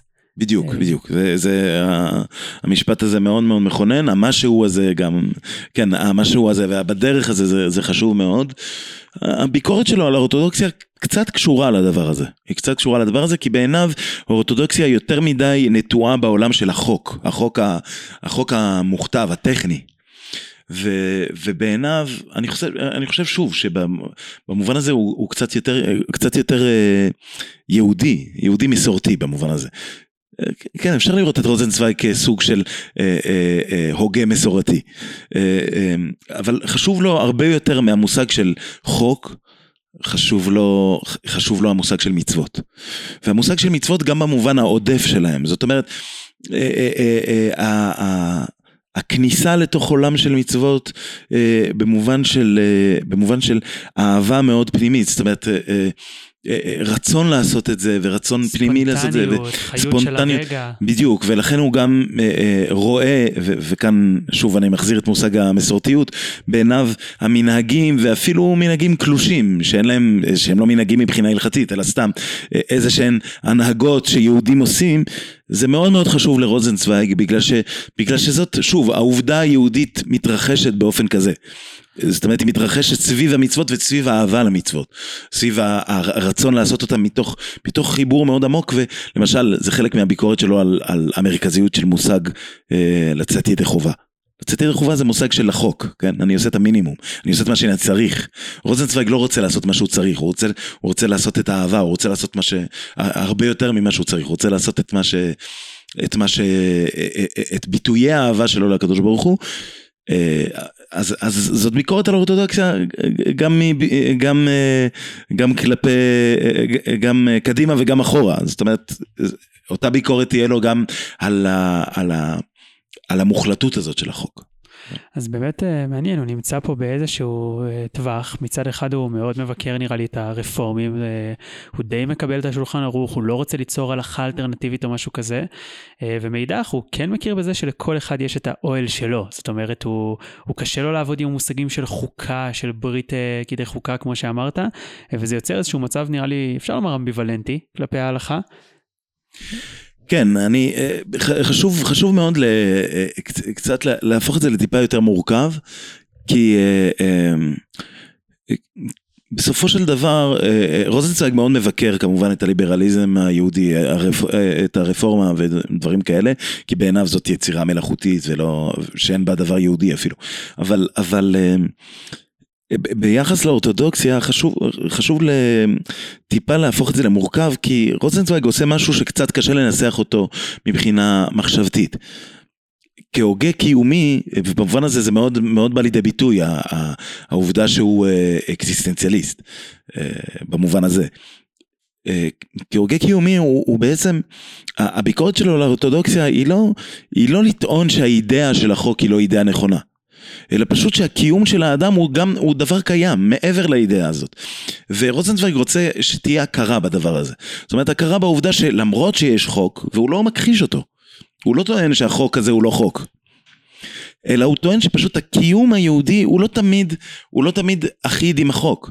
כן, החוק, לחשוב שה, שה, שהיהודי חייב להיות מאוד מאוד אחיד כל הזמן עם החוק, זה גם סוג של אידיאליזם אה, אה, מוחלט בעיני רוזנצוויג. ו- ולכן הביקורת שלו לא, לא נובעת כביקורת על החוק, אלא היא, לא, היא נובעת כביקורת קיומית. זאת אומרת, האדם הוא תמיד טיפה במרחק מהחוק. כן, כולנו יודעים שאנחנו לא תמיד עושים הכל בדיוק כמו שכתוב, כן? ו- ורוזנצוויג גם מנתח את הדבר הזה, זאת אומרת, מה שכתוב גם ליהודי הטוב ביותר זה לא בדיוק מה שהוא עושה. בהרבה מובנים, כן? אז רוזנצוויג אומר, אנחנו צריכים לשים, אה, אה, טיפה להכניס למודעות את הדבר הזה, ש, שמחוץ לשאלה המופשטת מה ההלכה אומרת, יש גם את, המק, את מקיים ההלכה, ומקיים ההלכה זה לא תמיד...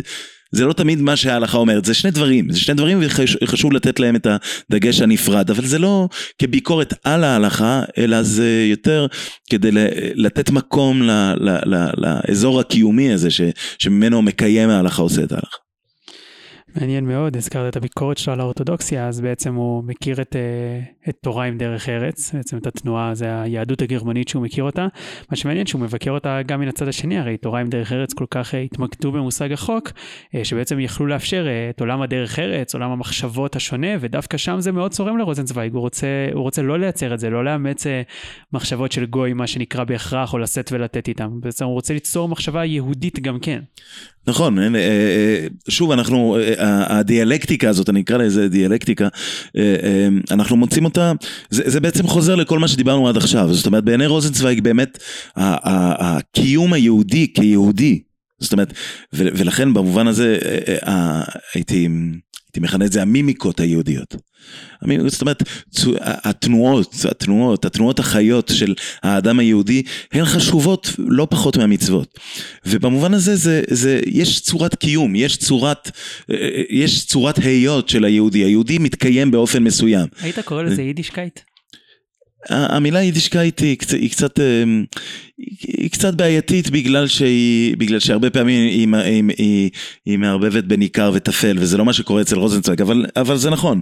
במובן מסוים רוזנצוויג אוהד את הייִדישקייט לא בשביל לטעון שהייִדישקייט זה, זה, זה, זה ש, ש, שמנהגי סבתא הם, הם, הם הדברים הכי חשובים אבל בשביל לטעון שיש, שיש משהו ש, ש, שהקיום היהודי הוא קיום עובדתי במובן הזה שיש שיש משהו, יש, יש צורות מסוימות שאתה לא יכול גם לנסח אותן תיאורטית, אלא הן צורות חיים מסוימות ש, שהיהודי עושה. Okay. ו, אוקיי. ופשוט הוא, הוא, הוא נפגש שם, וזה בעיניו מאוד מאוד חשוב.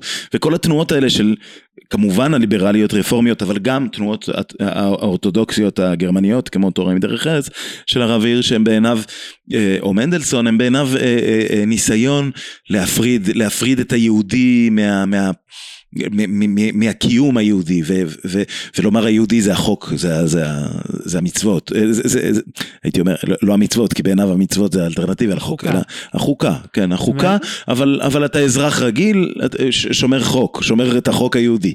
אז רוזנצוויג לא, מאוד מאוד חשוב לו הקיום הזה. זה מעניין שיש משפט אחד שהוא כותב שהוא מאוד תפס אותי, שאפילו הייתי מוכן לומר, אה, להפליג ולומר קטונתי, אבל, אה, אבל לומר שזה אולי מטרתו, אה, ששום דבר יהודי בל יהיה זר לי.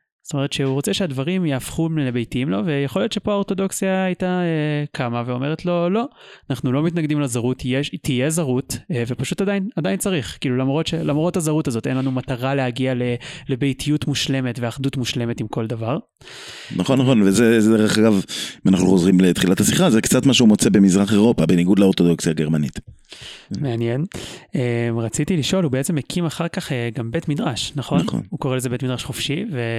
בית המדרש החופשי אולי, אה, ואפילו לקראת סוף חייו, אני זוכר שלאו בק, הרב לאו בק, אה, מתלבט בעצם, רוצה לתת לו תואר רב, רוזנצוויג מתלבט, בסוף הוא מחליט חצי שכן, חצי שלא, לא כזה ברור. אה, מה קורה בעצם בבית המדרש החופשי שלו? מה לומדים? מה עושים? האם זה נראה כמו בית מדרש שאנחנו מכירים בעולם הישיבות?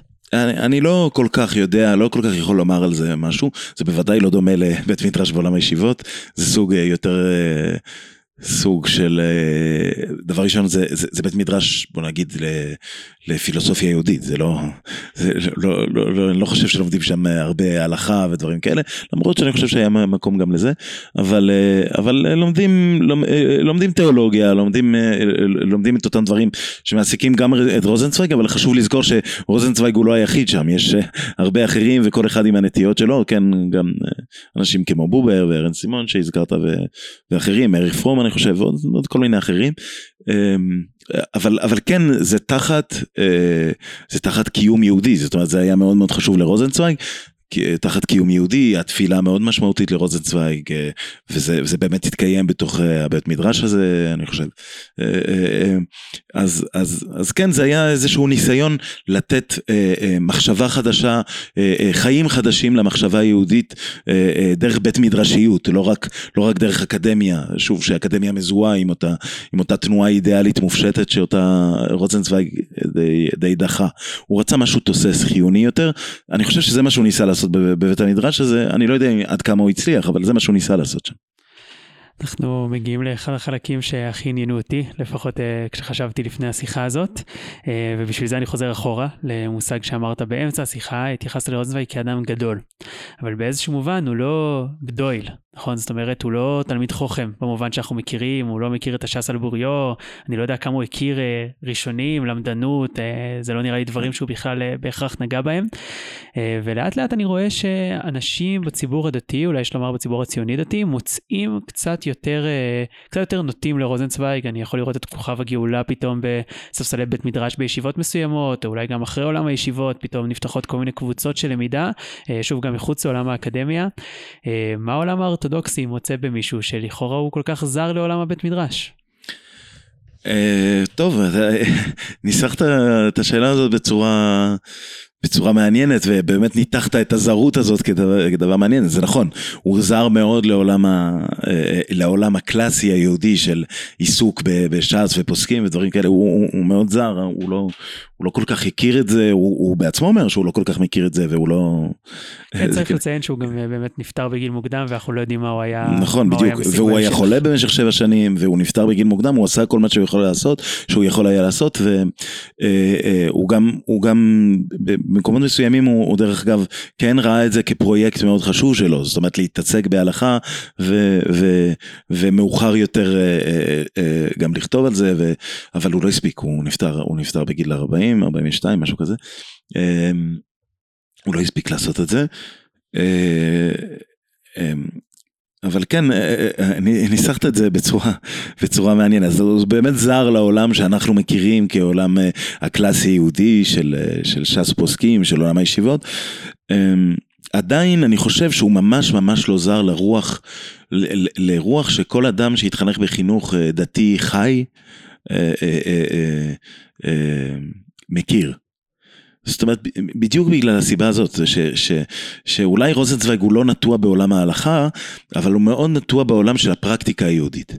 הפרקטיקה היהודית במובן הזה, על זה הוא מדבר, זאת אומרת במובן הזה, אה, העולם הזה של ה... של ה אה, אם אפשר לומר הבית, הבית של, של היהודי הספציפי, כן, הזכרת האוהל. קודם את, אה, מה? האוהל. כן, כן, אפילו במובן של סעודות שבת וזמירות שבת, זאת אומרת כל הדברים האלה ש, ש, שאולי אנחנו אפילו כ, כאנשים שיותר מדי עסוקים בעניינים הלכתיים, בוא נגיד קצת מזלזלים בהם, אבל, אבל, אבל בסופו של דבר הבית שלנו מתרחש שמה, ו, ורוזנצוויג נתן, נתן חשיבות מאוד גדולה לבית הזה. עכשיו, אני חושב, אה, אה, אני לא סתם מעלה את זה, אני חושב ש, שה...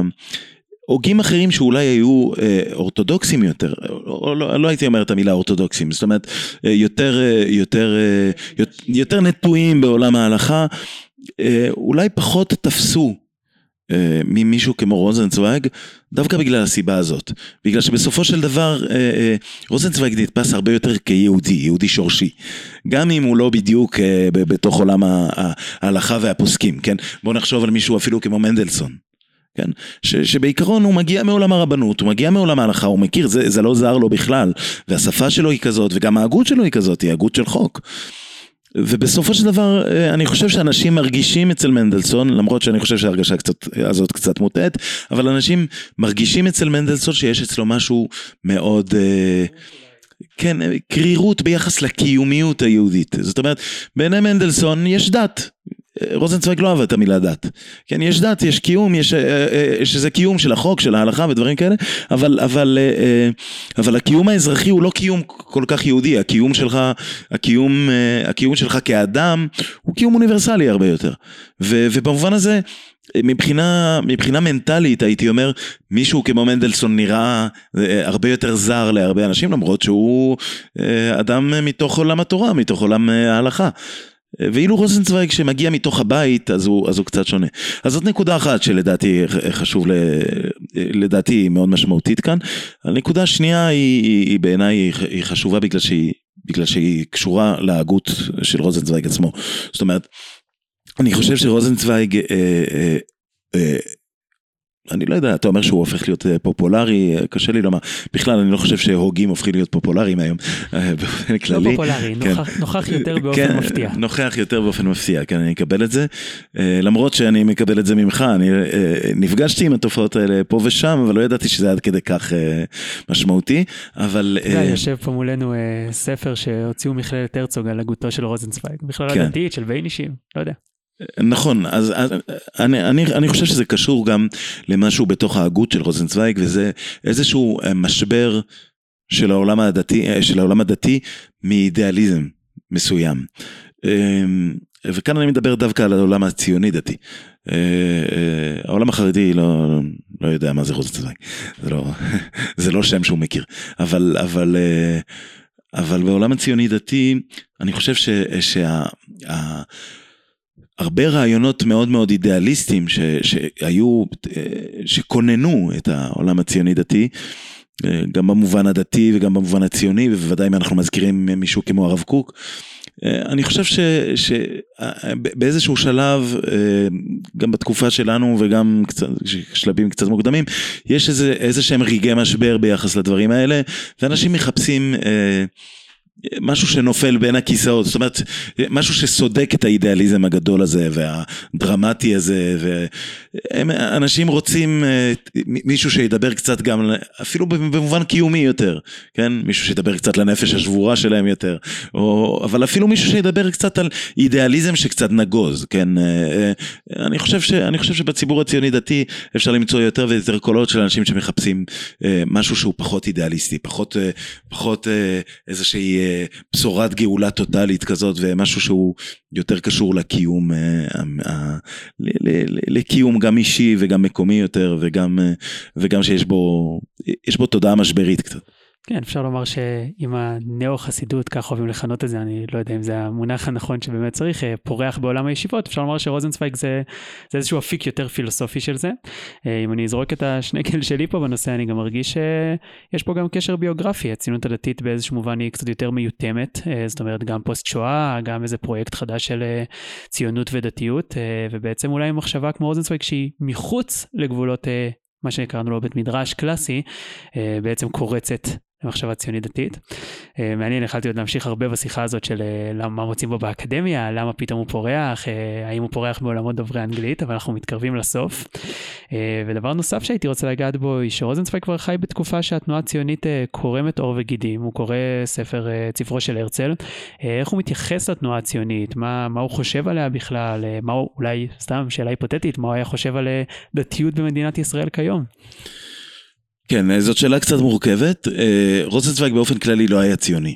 אה, הוא לא היה ציוני ואפילו התייחס בביקורתיות לציונות. אה, אבל אני אסייג פה את הדברים, הוא התייחס בביקורתיות, אבל בביקורתיות מתונה. גם לא אנטי ציוני. הוא לא היה אנטי ציוני, כן. תלוי איזו, איזו ציונות. תלוי איזו ציונות. הוא... יש זרמים מסוימים בציונות שבוודאי הוא היה אנטי ציוני ביחס אליהם, אבל, אבל אבל לא ביחס לרעיון הציוני באופן כללי. כאן אפשר לומר אולי בניגוד למשל למי שהוא ראה בו את רבו הרמן כהן, שממש היה ביקורתי מאוד כלפי הציונות. אה, כן, אה, הרמן כהן היה אומר, אה, הפרחחים האלה רוצים להיות מאושרים. אז אני, אני חושב ש, שרוזנצוויג לא היה ביקורתי עד כדי כך נגד הציונות. אפשר כן לדבר על, על, על מאיפה, מהי נקודת היחס של רוזנצוויג לציונות, וזה קשור כמובן לכל ההגות שלו. רוזנצוויג, רוזנצוויג רואה בעם היהודי משהו ששוב, אני חוזר למושג הזה של א-היסטורי, זאת אומרת משהו שהוא נצחי, משהו שהוא גדול הרבה יותר מאשר התרחשות היסטורית כזאת או אחרת, התרחשות מקומית היסטורית כזאת או אחרת. במובן, במובן הזה גם רוזנצוויג, וזה אולי חשוב, חשוב להעלות את זה במילה אחת, אבל רוזנצוויג חושב חושב שהוא חושב שהגלות יש לה, היא לימדה הרבה, היא, היא חלק מאוד מאוד חשוב בהיסטוריה של העם היהודי. היא חלק מאוד חשוב, ואולי העם היהודי גילה את הנצח שלו דווקא בגלות. אה, אה, דווקא בגלל העובדה ש... שיש את אי התלות הזאת במדינה, במוסדות, במוסדות קונקרטיים ודברים כאלה. בעיני, בעיני רוזנצוויג זה מאוד מאוד חשוב, וגם העם היהודי, הוא מנתח את זה גם בתיאולוגיה שלו, העם היהודי גם נולד ככזה. זאת אומרת, הוא נולד, הוא נולד ב, בארץ זרה, הוא נולד במקום זר. אה, אה, אה, הדברים האלה חשובים לרוזנצוויג בגלל שבניגוד לעמים אחרים, ש, שמבחינתם הטריטוריה חשובה, המד, המדינה חשובה, המוסד המדינתי חשוב, בעיני רוזנצוויג הנצחיות של עם ישראל קשורה דווקא בגלל שהדברים האלה פחות חשובים. אז רוזנצוויג מאוד חשד בציונות במובן הזה שהיא תהיה אה, כשהיא מנסה להיות איזשהו תחליף לנצחיות של העם היהודי. זאת אומרת, אה, במובן הזה של לראות, הוא בוודאי ביקר מאוד ציונות כזאת שרואה את עצמה כ... כ כיהדות חדשה. לפלמח. בדיוק, בדיוק, מהתנ"ך לפלמח זה, הוא בוודאי לא סבל דבר כזה. כן, אני אה, זוכר גם פה באמת מעניין היחס שלו לעברית, אה, שהוא נכון. תופס אותה כשפה סקרלית קדושה, זאת אומרת, והוא כותב בצער רב, הנה ממש יש לי פה ציטוט, שקשה לו שאנשים מתרגשים יותר מתפריט בעברית מאשר מהנביאים והכתובים. אה, בעצם סטייה מהדרך של המסורת, זה משהו מחודש. כן, בכלל הסיפור שלו עם השפה הוא מעניין גם בהקשר הזה. שוב, גם היחס שלו אל השפה הוא יחס מאוד דומה, הוא, הוא אה, כמו ביחס למה שדיברנו על הקיום היהודי, זאת אומרת אצל רוזנצוויג השפה היא חלק מהקיום של, של, של, של, היהדות עצמה, ושפת הקודש, כמו אצל רבי יהודה לוי, יש משמעות לשפת הקודש, אבל לא בגלל שהיא שפה אידיאלית, אידיאליסטית כזאת, אלא בגלל שהיא השפה שבה, שבה יהודים דיברו, ושבעצם היהודים הכניסו את דברי הקודש ואת דברי החולין שלהם בתוכה, אבל בכל מיני סגנונות. זאת אומרת, עם, עם הנבואה ועם uh, השפה uh, קצת התבונית הזאת של הרמב"ם ושפה קצת אה, שירית אה, גם אם אפשר לומר הברוקית הוא קורא לה של הקליר או השפה של אה, השפה של השירה היהודית בספרד בימי הביניים או, או, או, או, או אפילו השפה השבורה של השולחן ערוך. כל הדברים האלה מהווים חלק מהשפה חלק מהשפה היהודית כן. אז אני חושב שהביקורת שלו על הציונות זה חלק מזה. זאת אומרת תפיסת השפה שלו היא גם ביקורת שלו על הציונות. כל פרויקט ציוני ש, שרואה את עצמו כאיזשהו איזשהו אה, משהו, אה, משהו שהוא אמור להיות הבשורה היהודית הגדולה, אה, אז בוודאי במובן הזה של יהדות חדשה, כן, יהדות, לחזור לתנ"ך זה בוודאי, אבל גם במובן של גאולה גדולה, זאת אומרת גם במובן שהציונות עכשיו היא זאת שתביא את, ה, את הגאולה הגדולה ואת הסוף, אם אפשר לומר, את אחרית הימים של היהודי, רוזנצוויג ביקר גם את הדבר הזה, הוא, הוא כן נתן לגיטימציה לציונות כ... כ כאפיזודה בתוך ההיסטוריה של העם היהודי. וזה וזה דרך אגב הוא מאוד התרגש מהעובדה שיש ש, ש, ש, ש, ש, שבארץ ישראל המוקמת במדינת ישראל המוקמת אה, יש צביון יהודי, מהעובדה שחנויות סגורות בשבת ודברים כאלה. ובמובן הזה הייתה לו סימפתיה על הציונות. אבל רק במובן הזה, זאת אומרת, לא, כל, כל אידיאליזציה של הציונות הוא היה, הוא היה נגדה. אה, אה, הוא היה הרבה יותר גלותי במובן הזה, הוא אהד את הגלות בגלל שהיהודי נתפס נצחי דווקא ככזה שיכול לעבור ממקום למקום. דרך אגב, השאיפה, השאיפה לארץ ישראל הייתה חשובה בעיניו יותר מאשר אה, אה, להיות בארץ ישראל עצמה. להיות בה כבר מבטל את המתח של הקדוש אל מול מובן מאליו. אולי. בדיוק, בדיוק. השאיפה היא תמיד הדרך, מה שדיברנו, שדיברנו קודם על הדרך, על להיות, להיות בדרך לדבר הזה. אמ, אנחנו ממש לקראת הסוף, אשמח אם תביא קטע של רוזנצוויג שאתה מתחבר אליו, או שתפס אותך, או שמעניין אותך. טוב, אין, אין קטע אצל רוזנצוויג שאני יכול לומר שאני מתחבר דווקא אליו, אה, כמעט כל שורה אצל רוזנצוויג היא, היא, היא מעניינת מאוד, גם מבחינה סגנונית. אה, אז, אבל אני כן, אם, אם כבר דיברנו על, ה, על הנושא הזה של הציונות, אה, אני, אני, אני רוצה לקרוא דווקא מכתב של רוזנצוויג, ו, ו, ו, ו, ומתוכו באמת אפשר לראות את העולם, העולם אה, של רוזנצוויג באופן כללי, גם סגנון הכתיבה שלו, גם התפיסות שלו, וגם היחס שלו לציונות, שזה יהיה אולי... אמירה לגבי זה, ואני אקרא את זה פשוט בלי לפרש, אני פשוט אקרא את זה. אז הוא כותב ככה, ירושלים כסמל משיחי, אם סמל הוא יותר מאסמכתא בעלמא, הרי חייב הוא להתקיים במקום כלשהו, ובאופן כלשהו כמציאות בלתי סמלית. גם לפי ניסיוני אני, אין אווירה דארץ ישראל מחכים, אבל סבורני שחוכמת פרנקפורט שלי לא הייתה קיימת בלא חוכמת ארץ ישראל. ולא רק בלא זו שבעבר, אלא גם בלא זו שבעתיד, זו שתמיד נכון לעתיד. ובכן, לא בלא זו המקשרת את העבר והעתיד, היינו זו שבהווה, החום מצוי לא רק במקום שהשמש משלחת אליו את קרניה, זו אמונתם התפלה של הציונים, אלא בכל מקום שיש לי בו תנור טוב.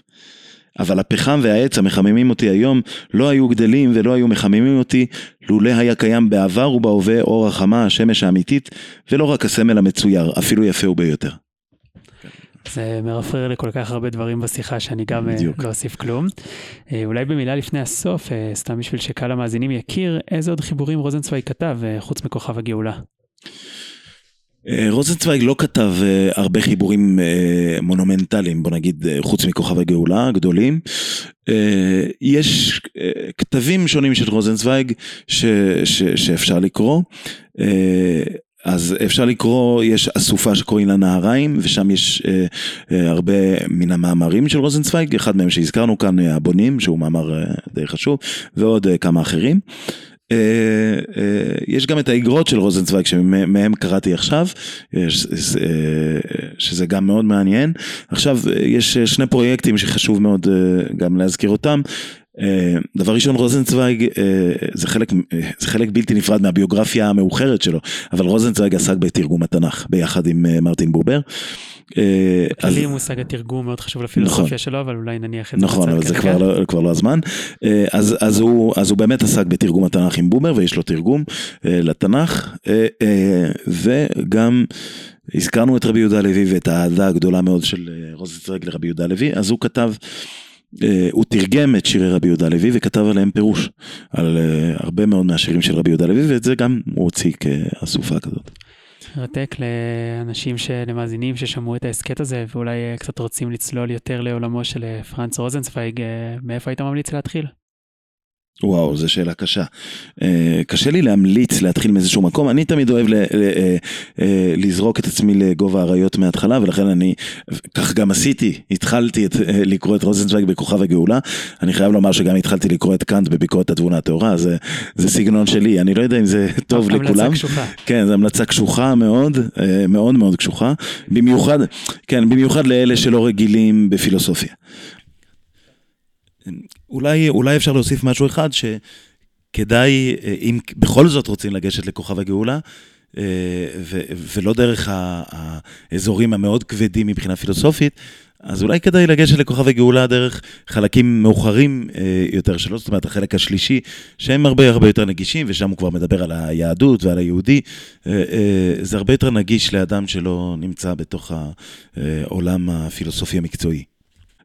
אם לא, אולי כדאי, כדאי, כדאי אה, לקרוא כמה מאמרים ב, ב, ב, ב, שיש, ב, שיש בנהריים. אה, דרך אגב, הזכרת לי, לא, לא, לא הזכרתי, אבל רוזנצוויג כתב חיבורים אה, אה, אה, חיבורים סביב כוכב הגאולה.